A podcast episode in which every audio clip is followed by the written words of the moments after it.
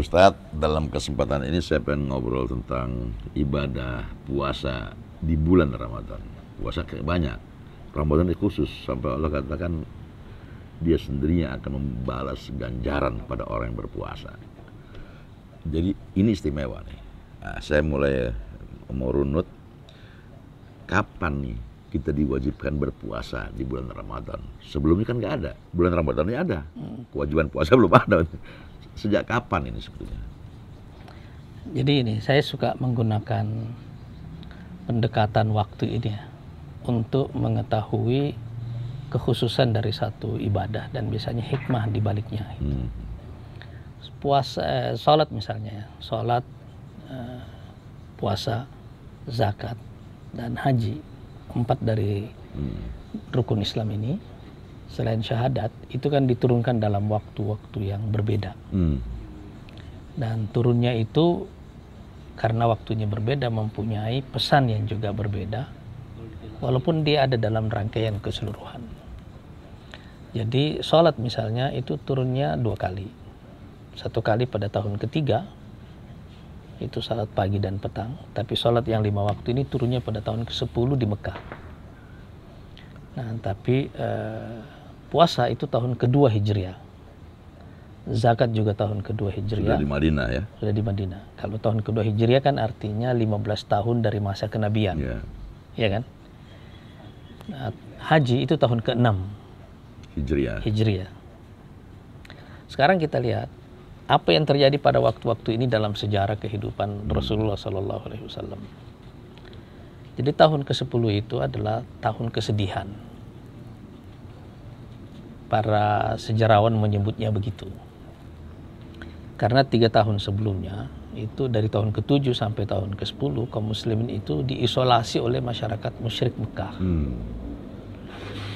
Mereka tidak boleh berhubungan sama sekali dengan masyarakat Mekah dalam semua bentuknya. Begitu Di keluar embargo ya? di embargo lah itu. Begitu keluar dari isolasi itu, paman beliau Abu Talib meninggal. Ini kan sumber dukungan eh, keamanan dan politiknya. Kemudian eh, istri beliau Khadijah Hmm. juga meninggal. Ini kan sumber dukungan emosi dan Finansial. finansialnya. Nah, di saat beliau bersedih seperti itu, dunia kan terasa gelap. Jalan seperti buntu. Lawan terasa terlalu kuat Hmm. buat dia.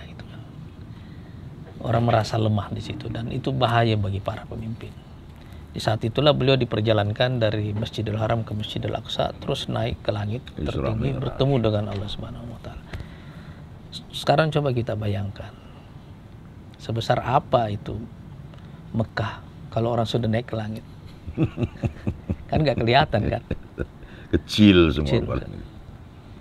Bumi ini kan juga nggak kelihatan Hmm. kalau orang sudah naik ke atas itu. Jadi waktu eh, tempat ruang ini jadi hilang. Hilang makna. Hmm. Waktu juga hilang makna karena ini semua perjalanan dalam satu malam. Hmm. Itu keistimewaannya salat.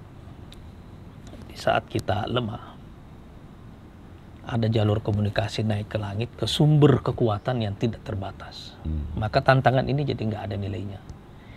Makanya Rasulullah setelah turun dari langit itu, itu kan langsung melakukan rekrutmen kepada kaum Ansor di Madinah, Hmm. menyiapkan negara Madinah, dan kemudian hijrah, dan setelah itu negaranya berdiri. Jadi justru di tengah, di titik nadir itu, beliau melakukan lompatan, dan kuncinya itu di sini, salat itu. Ya. Hmm. Makanya Rasulullah SAW mengatakan, as-salatu mi'rajul mu'min. Salat itu adalah tangga naik orang beriman ke langit. Nah, sekarang puasa. Itu tahun kedua.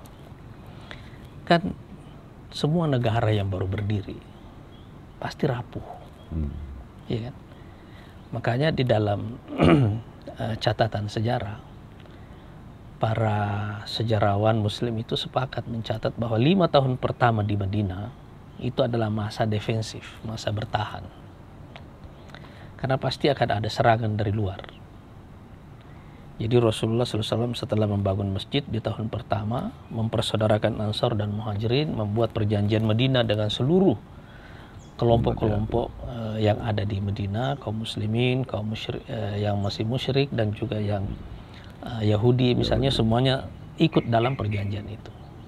Nah, tahun kedua turunlah ibadah Ramadan ini. Ibadah puasa. Dan itu berbeda dengan sholat. Kalau kita bandingkan dengan agama-agama uh, lain misalnya, bentuk persembahan atau peribadatan manusia kepada Tuhan, apa pun Tuhannya itu ya. Kan selalu ada unsur ruku dan sujudnya. Gitu. Yeah. Tapi kalau puasa ini kan enggak.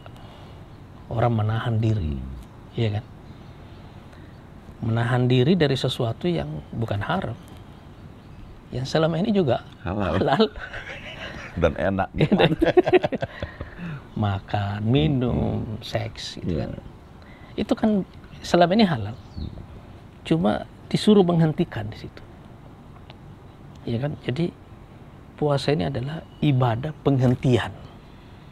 Stop di sini. Haji yang mau lebih lagi. Ada gerakannya. Ya, semua gerakan juga sama. Sama. Ini nggak ada. Yang kita lakukan adalah tidak melakukan. itu bedanya. Dan makna penghentian itu apa bagi setiap muslim itu?